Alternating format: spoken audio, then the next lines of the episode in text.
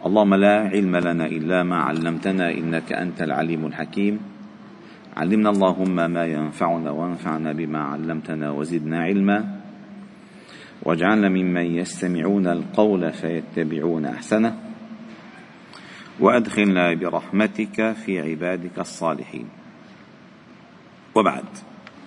فلا نزال معكم أيها الأحباب الكرام في مجالس القرآن ضمن دروس قرآن الفجر.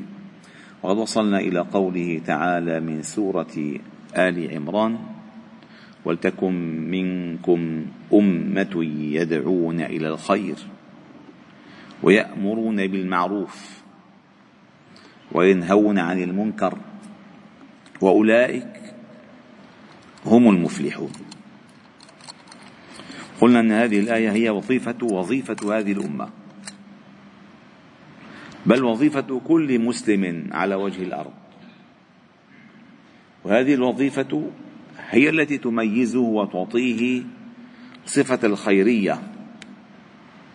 فإنه في الأصل إنسان داع إلى الخير. فكل قوله يدل على فعل خير. وكل فعله تحت عنوان فعل الخير. لأنه يفعل الخيرات يسارعون في الخيرات يدعون إلى الخيرات. فكل فعله خير.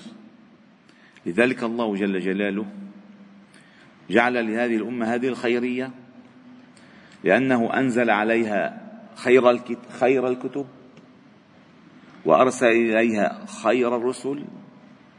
فعندما قامت بما أنيط به إليها كانت خير أمة أخرجت للناس ولم يقل للمسلمين بل للناس.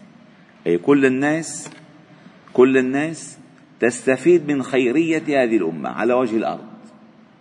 وعندما تعلمون في استقرائكم التاريخ كيف دخلت الأقوام في البلاد البعيدة الإسلام تدركون هذا الفعل. ففي البلاد البعيدة لم يصل إليها المسلمون بخيولهم وسيوفهم ورماحهم إنما وصلوا إليها بتجارتهم ودعوتهم للخير وأخلاقهم الفاضلة. فدخل الناس من خلال ما رأوا منهم دخلوا الإسلام لأن رأوهم من خير الناس. من خير الناس. وعندما وصف النبي صلى الله عليه وسلم بحادثة جميلة جدا عندما آه، ذكرها ذكرت في البخاري أمس ولكن تفصيل هذه القضية أن هذا الأعرابي الذي اخترط سيف النبي صلى الله عليه وسلم وأراد أن يقتله يقتله. وقال من يمنعك مني؟ قال الله فسقط سيفه سيفه ثم أخذ النبي صلى الله عليه وسلم سيف وقال من يمنعكم مني؟ فقال كن خير آخذ. كن خير آخذ. قال أتشهد أن لا إله إلا الله وأني رسول الله؟ قال لا. قال لا. ولكن لك علي ألا أكون في قوم يقاتلونك. فأطلق زرعه.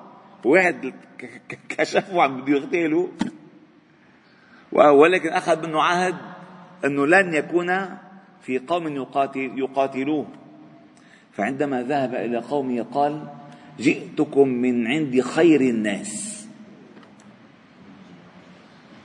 يعني فعل الخير فأسلم وأسلم قومه. أسلم وأسلم قومه. هذه هذه المهمة الحقيقية التي ترسخ. صدقوني الكلام الكلام الكثير لا يرسخ. يعني يذهب أغلبه يذهب. الفعل الفعل والدعوة إلى الفعل هو الذي يرسخ. الأثر الذي يبقى الأثر. الذي يبقى الأثر. قال ولتكن منكم أمة يدعون إلى الخير ويأمرون بالمعروف. ولماذا سمي المعروف معروفا؟ لأن النفوس السليمة تعرفه أنه خير. النفوس السليمة تألفه وتحب فعله. أعطيكم مثلا على ذلك. الحرامي اللص غير اللبنانية غير بلبنان لبنان لا ما ما في عندهم بالعالم. اللصوص في العالم. متى يسرقون؟ بالليل. وبيخبوا وجههم وبيسلحبوا. ليش؟ بيعرفوا هذا الفعل. ما في يظهروا فيه. وزدتهم ابدا ابدا ليش؟ لأن بنفسهم يعرفون أن هذا الفعل سوء سوء. إلا هون. إلا بلبنان. علموهم بلشوا يعلمون. ولذلك كذلك المنكر اسمه منكر لأن الناس النفس تنكره. الاسم ما حاك في صدرك وكرهت أن يطلع عليه الناس. والبر حسن الخلق. إن الفعل الحسن. قال وأولئك هم المفلحون. حصل الفلاح بهذه الصفات الدعوة إلى الخير الأمر بالمعروف النهي عن المنكر. فقال وأولئك هم المفلحون. كما الله تعالى قال في أول سورة البقرة ألف لام ميم ذلك الكتاب لا ريب فيه إلى أن قال أولئك على هدى من ربهم. وأولئك هم المفلحون. فهناك الفلاح العقدي العقدي وهنا الفلاح الوظيفي. هناك الفلاح العقدي وهنا وهنا الفلاح الوظيفي في وظيفة المؤمن في هذه الأمة. ثم الله تعالى قال ولا تكونوا كالذين تفرقوا واختلفوا من بعد ما جاءهم البينات وأولئك لهم عذاب عظيم. هذه الأمور هي وراء بعضها تماما. يعني بدأت بقوله تعالى اتقوا الله حق تقاته ولا تموتن إلا وأنتم مسلمون واعتصموا بحبل الله جميعا ولا تفرقوا ولتكن منكم أمة يدعون الخير ولا تكونوا كالذين تفرقوا واختلفوا من بعد ما جاءهم البينات. هذه كلها وصايا لهذه الأمة. بعدما استعرض القرآن الزلل والضلال والخطل والخطر الذي وقع فيه أهل الكتاب من اليهود والنصارى. فأتت النصيحة أي بعدما رأيتم ما سبق وبعدما تلي عليكم ما سبق إياكم أن تقعوا في المحاذير وخذوا بهذه الوصايا باليمين وخذوها بقوة ولا تكونوا كالذين تفرقوا واختلفوا. أي اليهود والنصارى حتما. من بعد ما جاءهم بينات حتما. بل العرب ما آتتهم البينات. العرب ما آتتهم بينات العرب وجدوا كنا قوما كنا قوما أهل جاهلية. نأكل الميتة إلى آخر الحديث. أما اليهود والنصارى عندهم الكتابان التوراة والإنجيل فجاءهم البينات سواء بالكتب المنزلة أم بالرسل التي رأوا على أيديهم المعجزات. ومع ذلك تفرقوا واختلفوا بعدما جاءهم بينات وأولئك لهم عذاب عظيم. لذلك افترقت اليهود والنصارى افترقت اليهود على آه، إحدى وسبعين فرقة والنصارى على ثنتين وسبعين فرقة وستفترق أمتي على ثلاث وسبعين فرقة كلها في النار إلا واحدة. وفرق فرق المسلمين التي تفترق متأثرة بفرق اليهود والنصارى. ليش؟ لأنه 71 و 72 زادت وحدة 73 فالأمة لما بتضل لما بتضل بفرقها مقتسبة مقتبسة ضلالها من سابق الأمم من اليوم اليهود والنصارى. فتفترق على 73 فرقة أو فرقة. كلها في النار إلا واحدة. من هي؟ ما أنا عليه وأصحابي. ما أنا عليه وأصحابي. الذي كنت عليه أنا وأصحابي هي التي تنجو. يعني يعني مثلا وما أنا عليه وأصحابي ليس محصورا بالزمان. إنما محصور بالاتباع والإحسان. فالله يقول في كتاب هذه نقطة كثير مهمة.